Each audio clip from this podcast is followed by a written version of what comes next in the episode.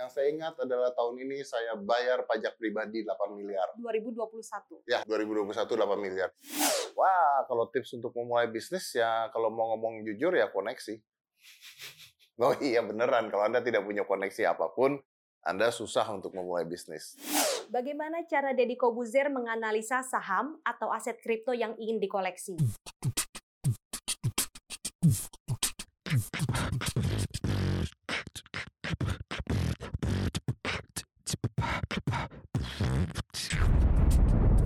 Cuap-cuap cuan. Hai Sobat Cuan, balik lagi di podcast Cuap-Cuap Cuan. Kali ini barengan sama gue, Dwi Ninta. Hari ini gue bakal ngajak kalian seru-seruan bareng. Karena narasumber kali ini seru banget. Seseorang yang multitalenta, public figure, konten kreator, pebisnis, bahkan sekarang dijuluki sebagai Raja YouTube. Nah, bisa nebak nggak siapa? Tapi kita cek dulu nih suaranya. Halo Mas. Atta Halilintar. bukan ya, bukan, Bukan, bukan, bukan, bukan, itu ya. yang lain. Itu yang lain ya. Ria Ricis bukan? Aduh, Oh, saya bukan tahu. juga nih. Mbak Imong berarti. Bukan Mbak Imong juga? Bukan juga. Bukan. Uya Kuya. Raya Raja Settingan. Bukan.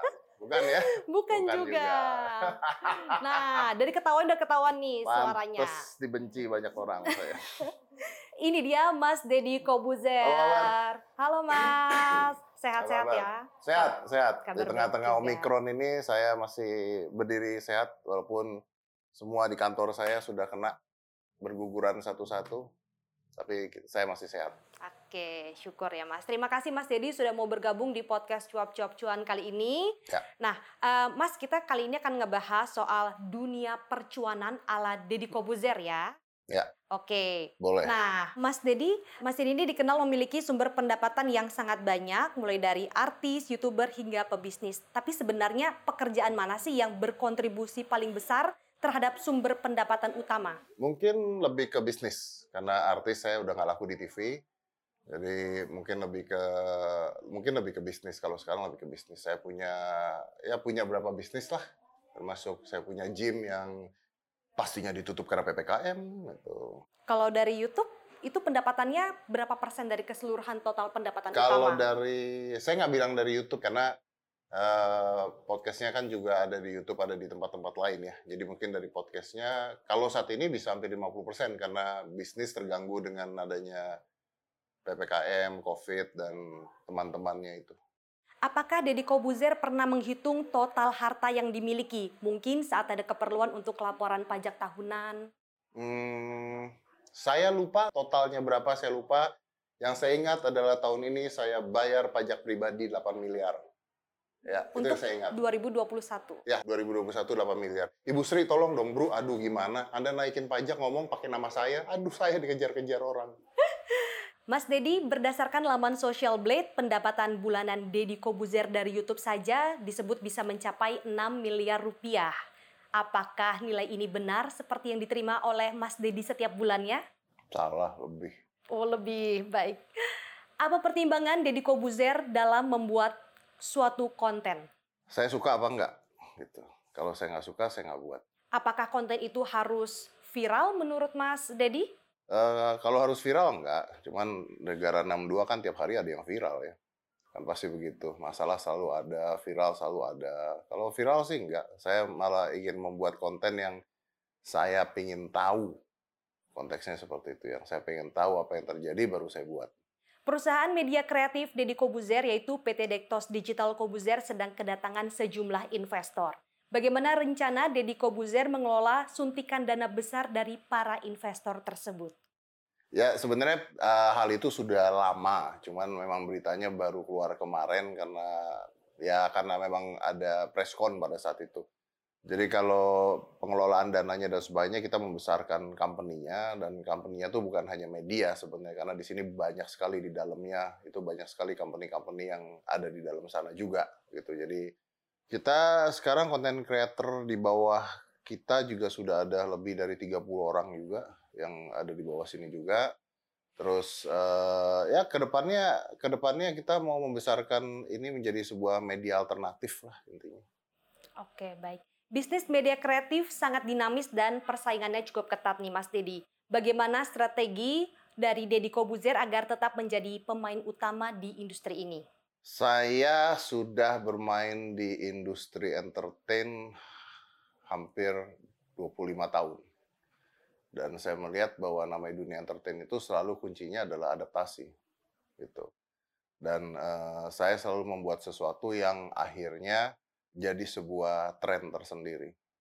Jadi samalah kayak misalnya ketika podcast saya buat, tiba-tiba sekarang semua orang buat podcast gitu. Saya sampai mikir emang nggak punya pikiran lain gitu ketika bikin konten ya, kecuali podcast ya gitu. Atau gimana sih? Semuanya jadi ada podcast tuh entah gimana saya juga bingung gitu. Jadi beradaptasi, jangan ikut-ikutan. Saya mencoba untuk melakukan sesuatu dan membuat itu jadi tren. Jangan ikut-ikutan tren. Itu yang saya selalu perjuangkan. Apakah ada target khusus untuk nilai investasi yang ingin dicapai di tahun ini, Mas Dedi? Uh, kita targetnya di 4T. Untuk di tahun 2022. Ya. Apa ada rencana membawa perusahaan melantai di bursa saham? Uh, ya mungkin ya, tapi kalau saya saya kan seniman ya, saya lebih senang bekerja maksimal semaksimal mungkin. Jadi bukan bukan cuman bermain di sana doang, tapi ada kinerja yang kelihatan. Karena saya yakin ketika orang-orang berinvestasi yang dia lihat adalah karena kinerjanya bukan ini produknya ada kan produknya ada ini. Jadi saya lebih senang ke kerjanya kalau saya sih. Dengan adanya investasi yang tinggi yang besar pekerjaan yang saya lakukan bisa lebih besar larinya ke sana. Kalau dari kinerja yang selama ini sudah pernah ada dari perusahaan media Mas Dedi ini sendiri, berapa sih sebenarnya pertumbuhan kinerjanya setiap tahun? Atau margin yang mungkin bisa didapatkan biasanya? Margin yang bisa didapatkan kita nggak target ya, tapi kita hitungannya mungkin per tahun di atas 200-300 miliar rupiah. Miliar. Tapi itu perusahaan ya. Betul. Bukan saya ya. Nanti pajak kalau saya. Siap Mas Dedi. Beda loh. Kemudian Mas Dedi, boleh dong berbagi tips untuk sobat cuan yang mau menjajal bisnis apa nih Mas? Wah, kalau tips untuk memulai bisnis ya kalau mau ngomong jujur ya koneksi. Oh iya beneran, kalau Anda tidak punya koneksi apa pun, anda susah untuk memulai bisnis. Tapi kalau kita mau ngomong benar, tips untuk memulai bisnis adalah knowledge. Anda harus punya knowledge dulu apa yang mau Anda lakukan gitu. Jadi bukan orang bukan passion, bukan apa, bukan apa, tapi knowledge. Knowledge Anda ada nggak di bisnis tersebut? Gitu. Paham nggak dengan apa yang Anda mau lakukan? Kalau Anda nggak paham ya nggak bisa jadi apa-apa. Dari paham baru nyari koneksi, nyari link, nyari link, nyari apa dan sebagainya. Wah ini menarik sih Mas, karena salah satu segmen yang ada di konten cuap-cuap cuan itu ada paham, pantauan saham, dan nah. koneksi konten ekonomi seksi. Oh ini. Kok mirip ya? Luar biasa. nah kita beralih ke personal Deddy Kobuzer.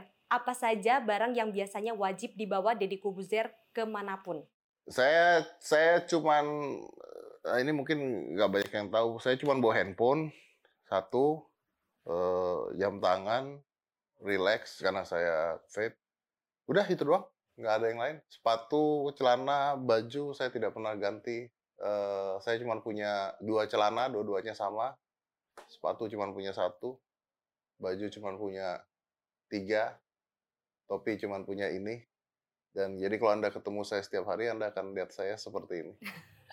Karena ya kecuali ada kadang-kadang yang yang itu, tapi nggak nggak nggak nggak saya nggak branded lah, nggak punya uang. Pilih belanja pakai uang tunai, uang di dompet digital, atau gesek kartu kredit? Saya bisa mengatakan saya tidak punya uang tunai, saya tidak punya dompet digital, saya punya kartu kredit tapi tidak pernah dipakai. Jadi kalau misalnya saya ingin menanyakan apa barang paling mahal yang pernah dibelanjakan dengan kartu kredit oleh Mas Dedi? Wow, uh, baju. Karena kartu kredit saya limitnya kecil. Boleh tahu harga bajunya saat itu berapa? 200 ribu, 300 ribu. Karena kartu kredit saya limitnya sangat kecil. Oke, baik. Bicara tentang investasi. Komposisi investasi terbesar Deddy Kobuzer ini ada pada aset apa aja sih? Wow, mungkin di properti kali ya. Mungkin larinya kalau terbesar di properti. Terbesar ini komposisinya berapa banyak, Mas? Mungkin 60 persen, 70 persen? 50 persen di properti, uh, 20%, 30% di saham, uh, itu mainnya di properti dan di, di saham kebanyakan. Baik, berarti kalau pilih investasi antara emas atau properti, berarti jawabannya adalah di properti ya, Mas? Tidak ya? juga. Tergantung dari siapa yang nanya. Kalau Hmm. misalnya pertanyaannya adalah eh, Anda uangnya ada seberapa, Mhm. karena yang namanya kita investasi itu harus melihat keadaan keadaan uang kita juga dan nggak boleh ditaruh di satu tempat. Kalau kita bicara pro- eh, properti sama emas bagusan mana, Eh, maka balik lagi ke pertanyaan Anda masih membutuhkan uangnya tidak? Karena gini, properti bagus nggak bagus, tapi nggak liquid. Anda mau jual hari ini nggak laku, bisa nunggu dua bulan, tiga bulan, setahun mungkin baru bisa laku. Tapi kalau misalnya emas, Anda mau jual hari ini, hari ini laku gitu. Baik. Deddy Kobuzer memang dikenal sebagai investor di bidang properti. Sebenarnya sudah pernah cuan berapa banyak dari investasi properti? Kalau dihitung-hitung mungkin puluhan miliar. Kalau dihitung-hitung. Cuman karena saya nggak pernah jual. Jadi saya nggak pernah. Jadi contohnya begini, saya saya rumah saya itu belinya 900 juta. Saat ini sudah 6 m.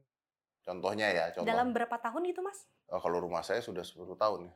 Ada 10 tahun dan terus ada juga yang ya contohnya kantor ini misalnya belinya berapa, sekarang jadinya berapa gitu. Cuman memang karena pada saat itu nah gitu makanya kalau properti itu disimpan bukan untuk dijual kalau saya karena saya bukan pengusaha properti.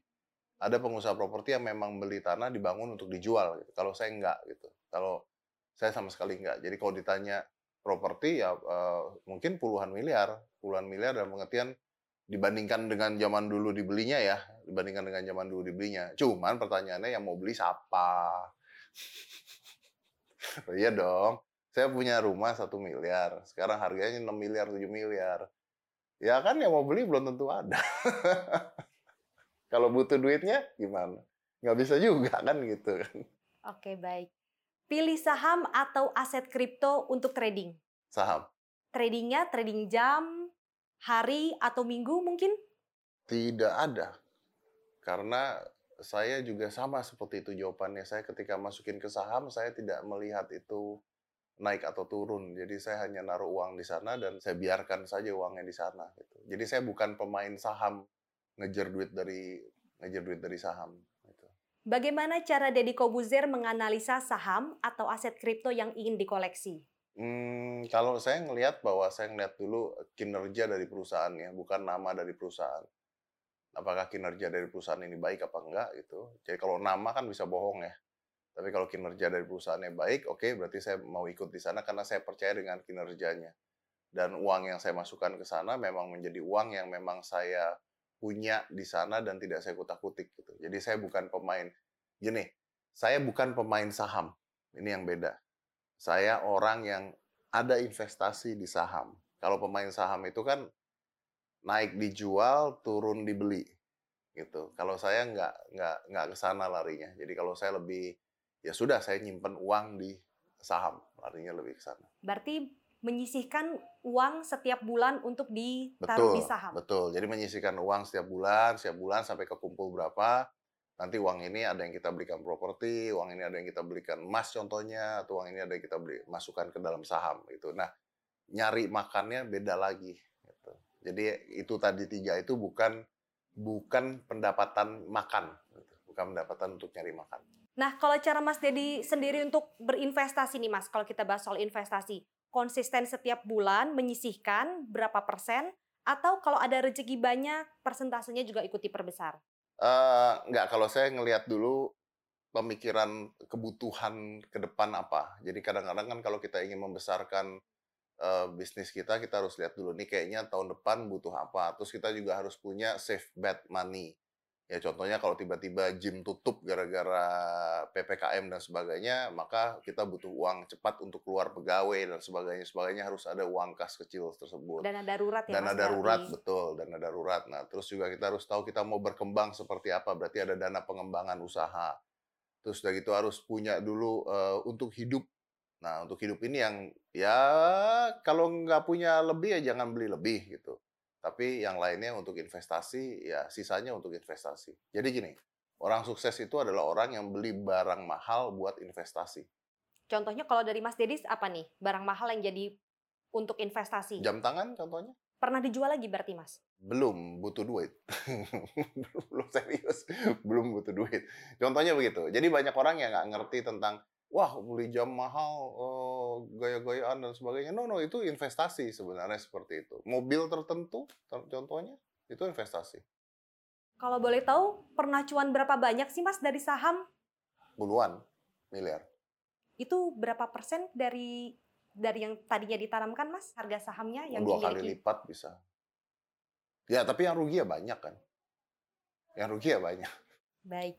Apakah ada rencana Deddy Kobuzer terlibat dalam tren NFT yang sedang hype saat ini? Belum, karena saya mau pelajari dulu. Karena gini, eh, saya masih melihat NFT itu FOMO ya. Banyak orang yang FOMO. Ah, ketika kita FOMO tapi kita nggak ngerti, kita jadi bodoh gitu, bukan FOMO lagi gitu. Nah, saya tidak mengatakan bahwa NFT tidak bisa besar. Saya nggak mengatakan itu. Tapi saya melihat fenomena NFT saat ini itu masih FOMO. Dan dan eh, kita pelajari dulu sampai di mana, karena bubble-nya di mana, eh, kemungkinan-kemungkinannya seperti apa gitu. Dan kan metaverse tiba-tiba Facebook berantakan kemarin, tiba-tiba kripto turun tiba-tiba. Jadi saya belum main di NFT, belum. Dan belum punya juga. Saat ini marak investasi robot trading. Pernah nggak sih Deddy Kobuzer ada yang menawari jadi endorser untuk investasi jenis ini? Eh ya kalau dulu dulu mungkin saya lupa ya.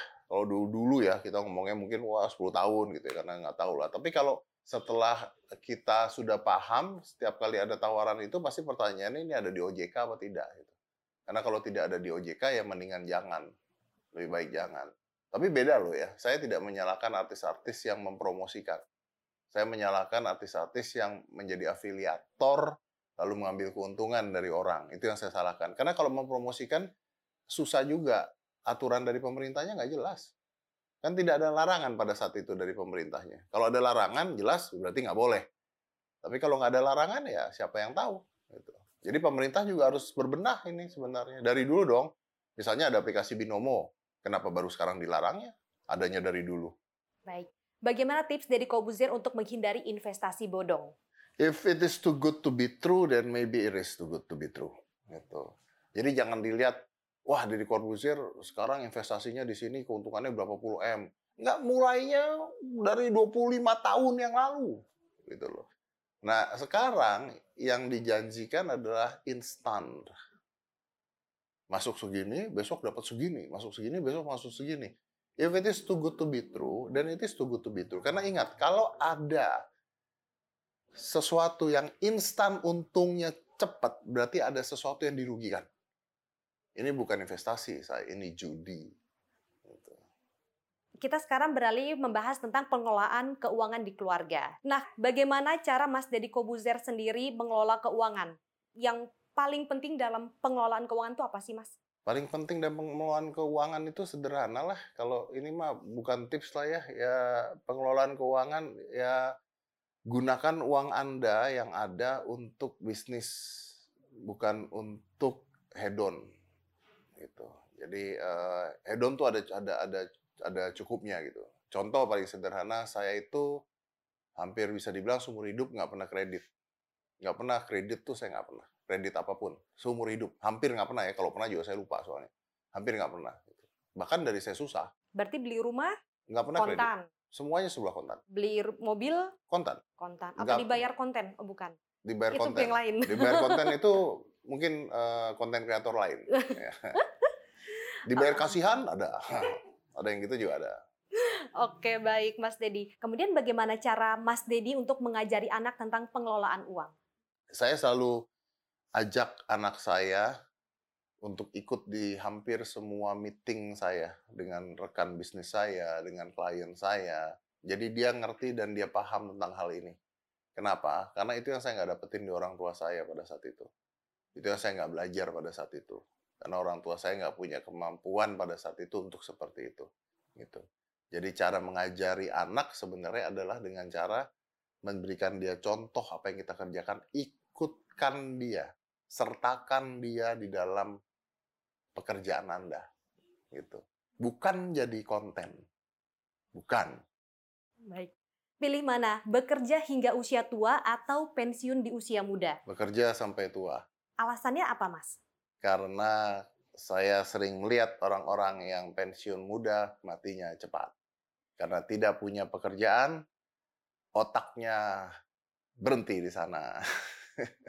Gini ya, bukan bekerja sampai tua tuh artinya nyari duit loh. Bekerja sampai tua itu karena sebenarnya orang yang bekerja itu melatih otaknya untuk terus aktif gitu. Ya kalau kalau lu mau ngomong gitu, saya pensiun sekarang juga bisa. Saya cukup kok untuk pensiun sekarang cukup kok.